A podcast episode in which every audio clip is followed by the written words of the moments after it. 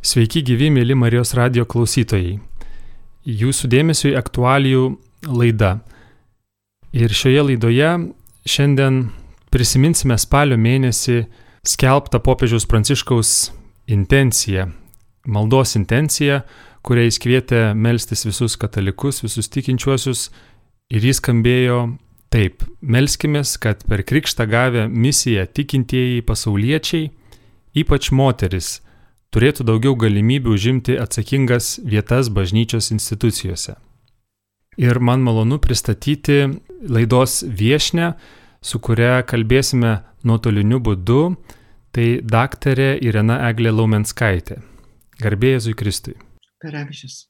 Taigi tokia popiežiaus intencija, kuri skatina, kviečia melstis, kad moteris užimtų atsakingas vietas bažnyčios institucijose gerbiama Rena Eglė, bažnyčia bent Lietuvoje, nors kalbant, kiek man teko kalbėti ir kitur žmonės, kitų šalių tikintieji patvirtina, yra labai moteriška, jei plika akimi žiūrime į šventose mišiose susirinkusią minę maldininkų sekmadieniais.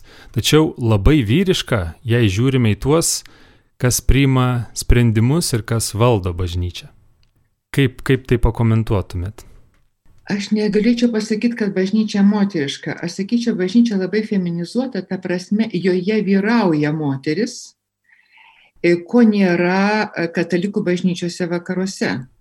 Tikrai vakaruose nėra tokios, tokios skirtumos skaičios, tokios disproporcijos, kaip yra Lietuvoje. Dėl to sakau, mūsų bažnyčia labai feminizuota, joje nėra vyrų. Taip. Ir kila pagrindinis klausimas, kodėl nėra vyrų Ir aš manau, kad todėl, kad mūsų įsitikėjimas yra sentimentalus ir privatus. Jis nesiema su gyvenimu, o daugiau su jausmais, todėl vyrams toks tikėjimas yra svetimokas.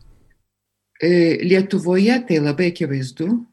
Mes turime, galima sakyti, iki šiol jaunimo tarpe kitaip keičiasi, bet, bet vyrauja bažnyčia, ypatingai jeigu pasižiūrime mažose miesteliuose, toks, toks pamaldumas, pietistinis, kaip sakoma, e, jausmų, emocijų pamaldumas. Ir, ir privatus. Žmonės meldžiasi už savo reikalus, už savo artimuosius, šeim, šeimas, bet nelabai mes meldžiamės už visuotinę bažnyčią. Už tuos, kurie yra irgi krikščionys ir katalikai ir kurie tikrai labai kenčia. Taigi, aš sakyčiau, kad mes nesijėmė bažnyčią su gyvenimu, o kai nesijėmė su gyvenimu, tikėjimo nesijėmė su gyvenimu. Vyrams toksai tikėjimas yra svetimas.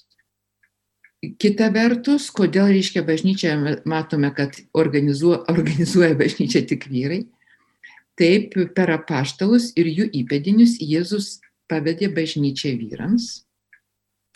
Tačiau pradžioje joje buvo aktyviai Jėzus sekusių moterų ir tikrai jos labai daug ką darė. Dabar kyla diskusijos, jos iki šiol neįspręstos katalikų bažnyčioje, nors tačiatikiai jau priėmė tą sprendimą, e, vis tik manoma, kad pradžioje buvo diakonis. Diakonisgi nepretenduoja, čia kalbama ne apie diakonystę, kuri buvo vesta vėliau pakeliu į kunigystę. Čia kalbama apie tą nuolatinę diakonystę, tai yra apie tarnystę vargšams, patarnavimus ir visa tai, kas yra su žmonių e, globa, netgi sakyčiau pastoracija tam tikrą prasme. Tai darė daugelis moterų. Mes dabar turime, tai dabar jau daugiau kalbama apie nulatinę diekonystę ir kitose šalyse jau senai yra nulatiniai diekonai, mūsųse kol kas tik Kauno arkiviskupijoje vienas kitas yra, bet tai nereiškia, kad jeigu moteris bus diakonės, kad jos pretenduoja į kunigystę. Tai kad yra nuolatinė diakonystė.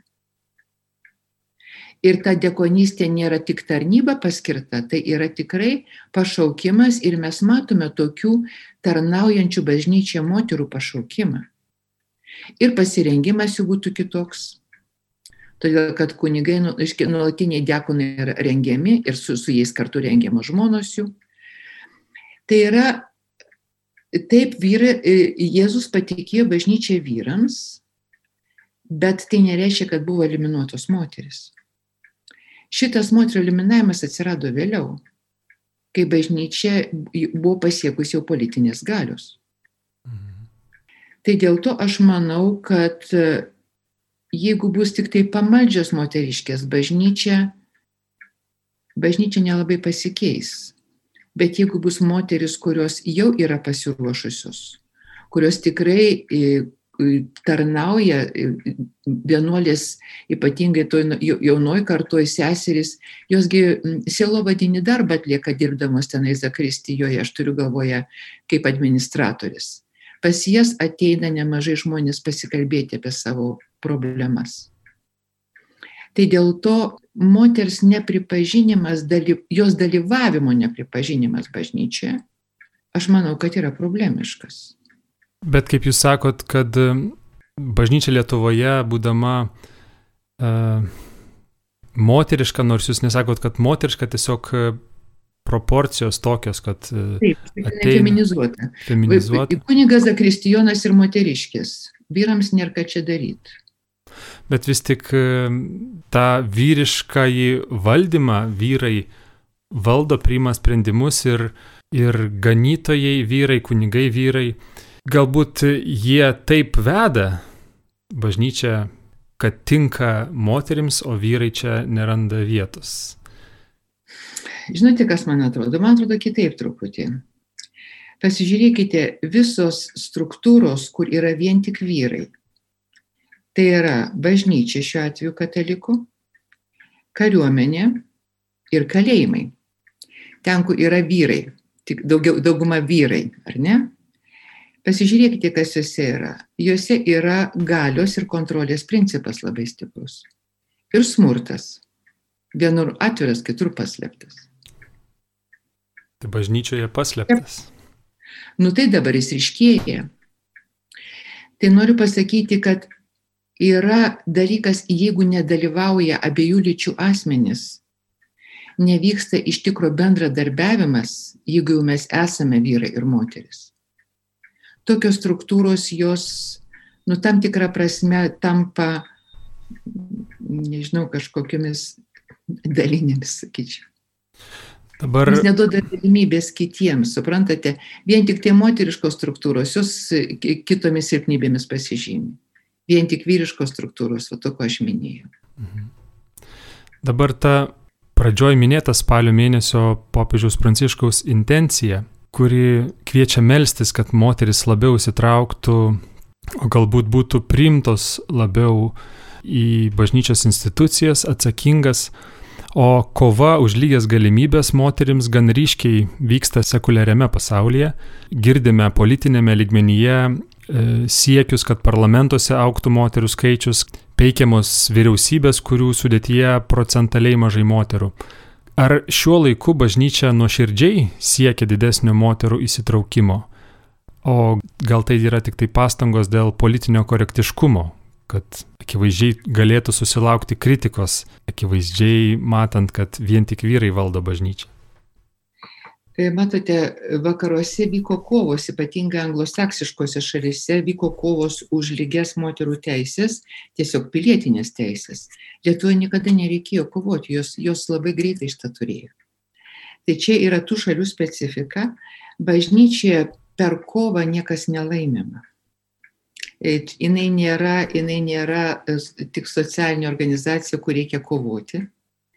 E, taip reikia už tai melstis, bet yra kitas dalykas E, kad e, ar rengiami pasauliečiai didesniem atsakomybėm bažnyčiai. Kitose šalise taip, tikrai galiu pasakyti. Yra daugybė institutų, kur rengiami pasauliečiai svarbiems vaidmenims bažnyčioje. Lietuvoje, nu, praktiškai nėra. Ir buvo Vilniuje dvi institucijos, jų nebėra. Aš turiu galvoje, kad jeigu mes pasauliečius nerenksime, mes turėsime bažnyčią, kuri tuštės. Kunigų mažėja ir žmonių mažės, nes jie negali prisimti atsakomybę, savo atsakomybę už bažnyčią, nes jie tam nerengiami. Dėl to, už kokias mes moteris melsimės. Taip, yra moterų, kurios gali dalyvauti bažnyčioje. Bet kaip čia pasakius, e, kitose šalise, nu pavyzdžiui, daugiau Junktinėse Amerikos valstijose ir Vakarų Europoje, ir abiejų popiežių, aš turiu galvoj popiežiaus Pranciškaus ir jau pradedant popiežių Benediktų XVI sprendimais, Vatikane po truputį atsakingas pareigos suteikiamos ir moterims, o mūsųse vis dar nesuprantama, gal net ir bažnyčio nesuprantama, kad bažnyčia, kaip sako Hansas Ursas von Baltazaras, aiškiai žinomas teologas, pirmiausia yra Marijos pagal savo prigimti, o tik po to Petro. Bažnyčia iš, iš prigimties yra motiniška. Kaip bažnyčia gali būti motiniška, jei jo negerbiamos moteris? Aš drįstu sakyti negerbiamos. E, sakyčiau, kad šiuo klausimu pasaulis, iškia, jau seniai juda tais šito klausimu, bažnyčia visą laiką vėluoja. Nu, aš galiu pasakyti pavyzdį. E, Jonas Paulius II, kuris tikrai labai jautriai skaitė laiko ženklus. Jisai savo laiku, tai buvo 88 metai, jis parašė apaštališką e, laišką Mulieris dignitatėm apie moters orumą. Ir būtent jisai ten iškėlė būt, moters genijų ir būtinybę moteriai savo va šitą įduotas dovanas išskirtinės tikrai e, reikšti visuomenė ir bažnyčioje. Bet kai e, buvo jau grėsmė, kad Pekino konferencija, moterų konferencija, priims e, tokius, sakyčiau, antikrikščioniškus sprendimus dėl lyčių, Vatikano delegacijai buvo didelė naujiena, buvo pasiusta vadovauti delegacijai moteris, Škia Marija Glendon, jinai teisininkė Junktinėse valstijose, vėliau tapo ambasadorė. Kitaip tariant, sureaguojama dažniausia bažnyčiai į pavojus. Ne bažnyčia įsiklauso laiko ženklus ir pagal savo prigimtį, taigi jai yra duota, jai yra duota Marija, moteris tikra ir motina, bet kadangi bažnyčia moteris yra skalbėjos, vyrėjos, e, anksčiau buvo ir nemokamos nes vienuolės, tai moteris yra tik tai, nu kaip sakyt, tokių vat nereikšmingų darbų vykdytojus. Nu visiškai yra nevertinamos moters dovanos. Jos nenaudojamos visiškai. Ir man atrodo, kad čia yra susijęta labai keistas dalykas.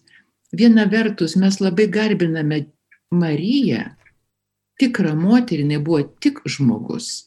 Taip gimusi be nuodėmės, ji buvo Dievo motina, bet ji buvo žmogus su visais išbandymais, tokiais ir drąsa, moters drąsa, kurią mes galime labai aiškiai skaityti Evangelijose. Ir čia pat, iškia Marija yra garbinama, nu, kaip sakoma, kaip ant debesėlio. Ir negerbiama moteris esanti šalia. Teisingiau su ją nesiskaitoma, bažnyčia yra maskulinizuota. Tai jūs e, nekalbant apie formalią lyderystę, kad moterų užimančių atsakingas pareigas yra mažai bažnyčioje, bet e, susidaro kartais įspūdis, kad bažnyčia pirmauja skelbiant moters orumą, lyčių lygybę, bet e, jūs sakot, kad bažnyčioje moteris yra negerbiama. Tai ne tik formaliam lygmenį. Žiūrėkite, pasaulis pirmas pradėjo kovoti už lyčių lygybę ir, ir, ir moters orumą. Ir tik bažnyčia vėliau apie tai pradėjo kalbėti. Jeigu mes pasižiūrime laiko prasme, tai tikrai ne taip. Bet aš turiu galvoj kitką. Bažnyčia turi pagrindą apie tai kalbėti. Jis turi Mariją. Bet suskuba apie tai kalbėti tik po to, kai pasaulyje jau vyksta kova už tai. Ir dėl to aš manau, kad čia yra, aš tai sakyčiau, aš kuo toliau žiūriu, mes turime kažkokį nedekvatų santykį su Marija. Ji yra kažkokia ant debesėlio, sakyčiau, kaip angelas. Bet jeigu mes skaitome didžią Evangeliją, pažiūrėkite, kokia yra jos drąsa visiškam nesupratime, nes viskas ją viršė, jo supratimą viršė. Primti jie viršienčius sprendimus. Ir pirmiausia, žiūrėkite Jono Evangelijoje, kaip Jėzus kreipėsi į ją. Pačioj pradžioj, savo veiklos pradžioje, jisai kreipėsi į ją moterį Kanos Ir jo vestuvės. žodžiai yra moterį. Jis moteriai motinai paveda savo mokinius. O realiai kaip yra bažnyčioje. Šia prasme, žinote, papras gerbti moteriškumą ir motiniškumą taip atsietai ir negerbti šalia esančios moters, vat man čia yra truputį konflikto per daug. Mhm. O ką galėtų ir turėtų duoti aktyvesnis pasauliečių įsitraukimas ir kaip popiežiaus intencijoje moterų įsitraukimas į bažnyčios gyvenimą ir ypač atsakomybių prisijėmimą jos valdymą? Žiūrėkite, e, čia yra dalykas ne pačiame valdyme ir ne, ir ne statusuose kažkokiuose, bet yra labai gerai žinoma, kad kiekviena struktūra, e, mano galimybė dalyvauti sprendimuose priklauso, mano, mano, nu, pr- priklauso nuo mano statuso. Antras dalykas, pasižiūrėkite, kas tos vaidmenys užima, jeigu Vatikane paskiriama viena po kitos moteris. Tai paskiriama moteris, kurios tikrai yra profesionalius kurios tikrai turi kompetenciją šitam. Nesakyčiau, kad Lietuvoje nėra moterų, kurios neturi kompetencijos, bet Lietuvoje jokių ženklų nėra dėl to.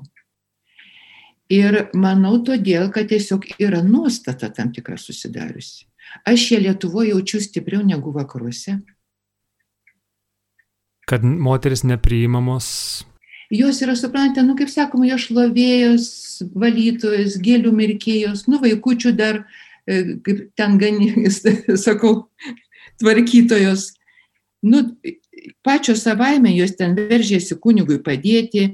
Aš sakyčiau, kad netgi tas santykis moterų tokio aktyvumo ir net pateikavimo bažnyčiai, kur kartais matosi, jos, jis nėra sveikas kunigų atžvilgių.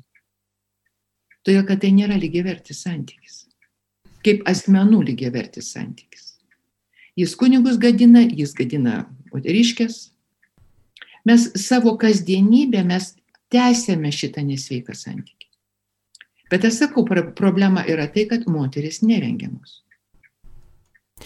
O apie tą santykį, jūs Įsi- sakot, nesveikas e, santykis kartais e, girdint apie tą sekuliariame pasaulyje vykstantį e, ly- lygių galimybių, lyčių lygybės kovą, kartais susidaro įspūdis, kad e, moteris arba už moteris kovojama, kad jos e, taptų lyg vyrai, kartais e, su- susimala lyčių vaidmenis. Ar yra skirtingi lyčių vaidmenys ir moteris valdydamos netaptų pernelyg vyriškos apie lyčių papildomumo principą? Kas tai yra? Kaip moteris galėtų lyderiauti, būdamos moteriškos? Žinote, kaip yra? Jeigu moteris veržėsi bažnyčio šimti vaidmenį, ji- jinai žino, kad su ją skaitysis, jeigu jinai bus tokia patvirta kaip vyras. Galbūt netgi galva aukštesnė. Tai sakiau, jeigu trys, nu, atsiprašau, pasakysiu tokią reiškia frazę, nes čia buvo toks, tokia rimta diskusija, kai buvau Europos katalikių moterų teologų kongrese, ten buvo ypatingai Vokietijos moteris, kėlė klausimą, reiškia, viešos peticijos, kad, reiškia, būtų moteris į kunigės ten leidžia, nuprimamos, reiškia, dėl šito kovoti. Tai žinote, sakau, sakau, jeigu tris jau kovoje sustiprėjusios ir suaršėjusios kovoje, moteriškė, sako, jeigu trys krokodilės su sijonais atsidurs Vatikano kurijoje, nuo to bažnyčia moteriškesnė nebus. Jonas Paulius II sakė, kad būtent maskuli, maskuliniškų būdų, ne vyriškų, o maskuliniškų būdų jos turėtų vengti. Tai yra galios, konkurencijos ir kontrolės, kovos principų. Moteriai nereikia kovoti už savo vietą. Jeigu jinai jį suteikiama, joje gali reikštis tai, kas moteriai dovanota. Ta, ką labai aiškiai Jonas Paulius II pasakė. Bažnyčia laukia, kol pasirodys moters genijus. Tai yra moteris, kuri pirmoji sugeba atpažinti kiekvieno asmens vertę nepriklausomai nuo jo statuso, gebėjimų ten, e, galimybių ir taip toliau. Ir ji pirmoji pastebi ir šito išmoko kitus. Bet šito bažnyčioje stinga. Jeigu pačiai pradžiai e, Paulius ten sakė, kad jūs vat, e, turtingus, garbingus kviečiate į pirmas eilės, o kitus liepėte ten eiti į galą, ten tuos neturčius. Tai mes iki šiol matome, kad bažnyčiai labai yra svarbus statusas. Kad bažnyčia atsakomybės yra pagal statusą. Aš tai sakyčiau, kad turėtų būti atsakomybės pagal kompetencijas ir kad moteriai visiškai nereikia kovoti dėl to. Yra labai daug dalykų, kas gali būti suteikiama moteriai. Bet ją reikia renkti šitam. Ir ne tik moteris, ir vyrus pasauliečius reikia renkti. Tas procesas, kuris dabar vyksta bažnyčioje, ta prasme, kad mažėja pašaukimų į kunigystę, jisai aiškiai rodo, kad turėtų vykti pokyčiai. Jeigu mes tikime, kad bažnyčia veda šventoji dvasia, tai skaitykime laiko ženklus. Galiausiai gal grįžkime prie to, kai buvo pirminėje bažnyčioje. Nebuvo tiek daug kunigų. Todėl, kad kunigai nebuvo statytojai, ūkininkai, finansininkai. Visą šitą darė pasauliečiai. Kunigui buvo patikėta Euharistija ir selovada, nors selovadoje dalyvavo ir moteris. Tik paskui su bažnyčios socialinė ir politinė gale moteris buvo išstumtos. Nu visada politinė galia šitaip veikia. Ar yra koks nors e, labai geras pavyzdys moters, kuri turėjo atsakomybių, lyderiavo nemaskuliniškai, bet e, išlaikydama ir skleisdama tą moters genijų? Ar mes galėtumėm kažkaip išskirti, prisiminti ir kaip pavyzdį turėti kažką? Net Lietuvoje buvo kai kurių vienuolyjų vyresnėsis, ar ten ta pati sesuo Kaupaitė. Pasižiūrėkite, tos, tos moteris, jos buvo, jos buvo tvirtos, jos buvo protingos, bet jos nebuvo maskulinizuotos mes galime matyti e, vis, visoje istorijoje katalikų bažnyčios tos šventosios moteris. Pasižiūrėkite, kokios jos buvo. Jos buvo stiprios, bet jos nebuvo vyriškos, šia prasme, kovojančios su vyrais, jos nebuvo už teisės. Jos buvo gerbiamos. Mes galime tam pamatyti nu, nuo pat pradžios. Ir von Bingen, suprantate, tikrai, vat, kiek yra tų pavyzdžių pasižiūrėjusi ir ta pati e, šventoji Kotrina Senietė, pažiūrėjau, koks jų buvo vaidmuo netgi radikaliuose, situacijose bažnyčioje. Moteris išeidavo su taikdarės, su, su, reiškia, su e, būtent su šita misija, išeidavo su reformomis, kad, kad bažnyčia nebūtų galio žaidimų struktūra Jeigu mes įsižiūrėsime, taigi yra daug tokių pavyzdžių. Aš dabar galiausiai vakaruose mačiau. Pasižiūrėkite, kiek yra moterų teologijų ir kokio masto teologijų. Ir tai yra tikrai moteris, o ne vyrai su sijonais. Moteris šventosios. Ir šiandien minime šventą Elsbietą Vengrę, lapkričio 17 dieną. Taip. Tai turbūt galime atsigręžti į visas e, moteris šventasias, e, kurios paskelbtos šventosiamis. Į visas šventasias ir netgi karalienės pasižiūrėkite. Brigita yra Europos globėja. Pasižiūrėkite, kaip jinai gyveno ir ką darė. Ir tai buvo nuostabi moteris, žmona. Kitaip tariant, Taip tada galėjo, reiškia, į tokį vaidmenį išeiti tik tai turinčios tokį, nu, sakykime, nu, ne tik tiesą sakant tokį. Bet aš turiu galvoje, kad šiandien problema yra kita. Toks santykis su moterim visas jos dovanas nuvertina. Jos dovanos nenaudojamos bažnyčiai. Bendruose sprendimuose nėra žvilgsnio to kitokio negu vyro bažnyčioje. Ir va to žvilgsnio, to kitokio, to papildomo žvilgsnio, to bendradarbiavimo, kai vienas kitas, kitą netgi kūrybiškai skatina ar palaikymą, palaiko dėl tų savo skirtingumo. Nes gerai žinoma, kad bendruomenės gyvos ir, ir kūrybiškos yra tokios, kur yra vyrų ir moterų. Todėl, kad jie turi skirtingas dovanas. Ir papildomumas reiškia savo dovanos išreiškimas, priimant kito kitokią dovaną. Tai jeigu šitas būtų daugiau bažnyčia, bažnyčia būtų gyvesnė. Ir dėl to pačios moteris, jos, na, kaip kalbėjos, pačios net ne, net nemano, jos aktyviai ten dirba bažnyčia, karitatyvinė veikla, visokia tokia veikla, nu bet tokia, žinote, kaip sakoma, su vargšais veikla, kaip, nors bažnyčia dabar vargšus kalba kaip apie centre esančius. Ir, bet jos, jos kažkaip pluša po vieną, sakau, kur jūsų vyrai, kodėl jam nepakviečiami.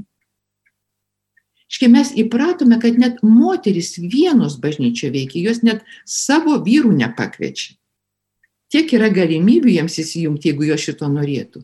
Tai bažnyčia yra taip atskirai moteriškės, atskirai vyriškiai, vyrai kunigai, moteris ten reiškia su, su, su vargšais dulkėmis ir gėlėmis ir būdėtojais, žinoma.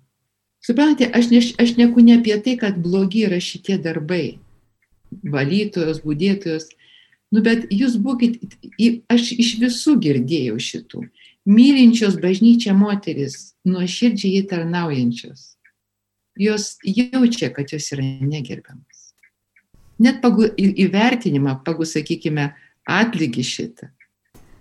Bet tai yra, jeigu dabartinę situaciją žiūrėtumėm, tai nėra klausimas apie pačių moterų iniciatyvą, čia klausimas, kaip ir minėjot, apie jų rengimą, Žinote, inici sveika iniciatyva atsiras protingų moterų, kurios pasiruošusios. Negerai būtų nesveikos iniciatyvos. Tokių nesveikų iniciatyvų pasireiškia viena kita. Bet suprantate, bet moteris yra geranoriška tarnystė labai. Moteris gera, kuri priima kitą ir dovanoja save greičiau. Ir jeigu jinai būtų samoningesnė, jeigu jį padėtų susivokti bažnyčioje, aš pavyzdžiui matau tarp aktyvaus jaunimo nuostabių merginų. Ir, ir tas santykis tarp jų ryškia ir, ir vaikinų yra sveikesnis negu būdavo anksčiau. Bet tai yra pasauliečiai. Bet aš matau kitą problemą, kad nuo pat seminarijos pradžios seminaristai save laiko išskirtiniais viršesniais už pasauliečius, nors jie dar tik seminaristai, tik pirmaisiais, antraisiais metais. Ir galbūt iš jų kunigai nebus netgi iš kai kurių. Jie yra atskiriami nuo pasauliečių. Jie atskirai mokosi, atskirai gyvena. Jie neturi lygiaverčio santykio su pasauliečiais. Kai ateina patarnauti bažnyčių, jie jau priklauso būsimam, būsimai dvasininkijai. Iš karto atsiranda nesveikas santykis nepagristos viršenybės. Nu, pavyzdžiui, aš buvau per, per primicijas ir pasižiūrėjau, kokia yra primicijų eiga. Kai, kai kunigas po primicijų, laim, reiškia, jisai turi tą malonę, jis laimina uždėjęs rankas. Tai pirmiausia kviečiami kunigai. Gerai. Kas, kas sekantis yra? Ne vienuolės, kurios pašvesto gyvenimo. Ir net ne motina, kviečiami seminaristai. Kas tie yra seminaristai? Kodėl jau jie įrašomi sekantį į kunigų luomą? Luomą pas mus. Luomas taigi yra labai atskiri, jie tarp jų yra neperžengiamos ribos ir visada vieni luomai yra aukštesni už kitus. Tai mes iš karto iškeliam, reiškia, visą savo, nusakykime, netgi eiga primicijų. Mes jau rodom šitą santyki nu, yra, sakau, nuo pat pradžios nesveikas rengimas kunigystė kaip viršienybė. Ir pasižiūrėkite realiai, kaip yra. Kiek yra kunigų, kurie, nu, aš negaliu vertinti kunigais, turi, jis turi malonę, bet nėra bendradarbiavimo tarp kunigų ir pasauliečių. Iniciatyva priklauso vis tik kunigui, tai bažnyčia sutvarkyta.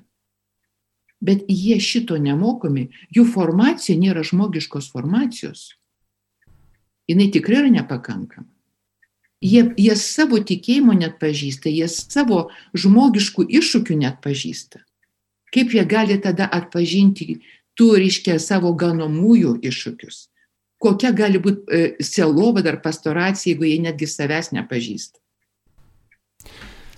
Sudėtingi, sudėtingi dalykai ir kaip jūs kalbat ir subtilus, e, visą tai atpažinti ir kreipti link geresnės tvarkos ir sveikesnės bažnyčios e, taip pat sudėtinga. Mėly klausytojai, šiandien laidoje, kurios tema moteris bažnyčioje, moteris katalikų bažnyčioje, svečiuojasi daktarė Irena Eglė Laumenskaitė ir norisi paklausti visą tai, ką kalbėjom šioje laidoje. Kaip Jūs manot, kokia reikšmė yra šios intencijos popiežiaus Pranciškaus spalio mėnesį paskelbtos maldos intencijos, apie kurią šioje laidoje kalbėjom? Žinote, galbūt prasideda viskas nuo intencijų, jeigu mes tikrai už tai. Bet yra dabar labai daug balsų, aš skaitau vakarų katalikišką nekatalikišką spaudą, sako, taip, popiežius vis kalba, bet sako, veiksmų mažoka yra. Ir bažnyčiai jau aktyviau tą klausimą kelia kas? Ne tik moteris, kurios turi įsilavinimą, ir gali užimti tas atsakingas pareigas. Tiesą sakant, nuo kunigų reikia atlaisvinti dalį pareigų, kurios nėra kunigiškos. Bet ir tai, kad jau ir viskupai šitą pritarė, bent jau kai kurių šalių. Jie aiškiai mato, kad šitas, kad šitas toksai vienpusiškas bažnyčios gyvenimas, jis nėra perspektyvus. Suprantate, gaunasi taip, kad mes palai, sakoma dabar apie vartojimo visuomenę, bet bažnyčioje yra didelis vartojimas. Pasauliečiai yra sakramentų vartotojai. Jie nėra bažnyčios nariai tam tikrą prasme. Bažnyčia Klientai. kalba apie, apie finansinės problemas, nu taip dabar jų padaugės, nes žmonių labai sumažėjo po karantino ir dar gali sumažėti. Bet kodėl? Todėl, kad kam mes save daugiau atiduodame? ką mes labiau mylime, tam, ką, ką daugiau atiduodame. Nėra tos galimybės savęs daugiau dovanoti. Taip, reiškia, dabar jau yra pastangos pastoracinės tarybas stiprinti. Taip, nu, kad jos būtų kiekvienoje parapijoje. Bet pažiūrėkite, kas darosi pastoraciniai tarybai. Apie ką kalbama? Nu, grafiką sudaryti sekantiems, reiškia, e, sekantiems atlaidams, dar kažkokiai šventiai, nu apie statybės, nu apie ūkį, Ar kalbama apie esminius dalykus, apie selovados klausimus? Tai būna ne pastoracinių tarybų klausimai, o ganytojų, kunigų. Žinai, kas yra, aš manyčiau, kad yra dalykų, aš kai sakau, selovada tai nėra tik tai mišius. Yra labai daug žmonių, kuriems, su kuriais reikia tiesiog būti, pasikalbėti ir jiems padėti. Tai šitas galėtų būti patikėta pasauliečiams. Aš jau nešneku apie statybas ir ūkį. Kitas dalykas, net ir finansai būtų skaidresni, jeigu tikrai jie būtų kitaip tvarkomi. Šitas yra ne, ne paskutinės reikšmės dalykas bažnyčios sutvarkime. Aš manyčiau, kad žmonės daugiau raukotų, jeigu jie matytų skaidrumą. Vatikanas pateikia savo išklotinės finansinės, reiškia, situacijos. Ar mūsų viskupijos pateikia? Na, teko tikrai būti e, parapijose, kur klebonas parapiečiams susirinkusiems pateikė bent jau kažkokią tai orientaciją, kur aukojami parapijos pinigai nueina, tai tokių iniciatyvų turbūt yra ir Yra. Ši, šios... Žinai, kas yra, aš manau, kad tuose parapijose, nes aš pati pastebėjau, tuose parapijose žmonės daugiau raukoja. Nes jie visiškai mato, e, aiškiai mato, kur eina pinigai, ar ne, ir tada aiškiai mato, kur jų dar reikia nes apie tai viešai kalbama. Ir tada sprendimai yra primami. Jie irgi nori, kad stogas būtų sutvarkytas, kad dar kažkas padaryta. Jie nori, kad kažkam būtų skiriama labai svarbiams dalykams. Žmonės prisideda, bet jeigu, jie, jeigu viskas jiems yra nesuprantama ar nežinoma, nu, tai ir prisidėjimo nebus. Nuėjome iki tokių dalykų, kurie tikrai yra e, svarbus, Galbūt laidos pabaigai kalbėjome daug apie problematiką įvairią, galbūt jūs galėtumėt laidos pabaigai kokį linkėjimą bažnyčiai, e, galbūt koks galėtų būti pirmas žingsnis, e, kad ta popiežiaus e, spalio mėnesio intencija rodytų vaisius. Žinote, dabar atlaidai yra.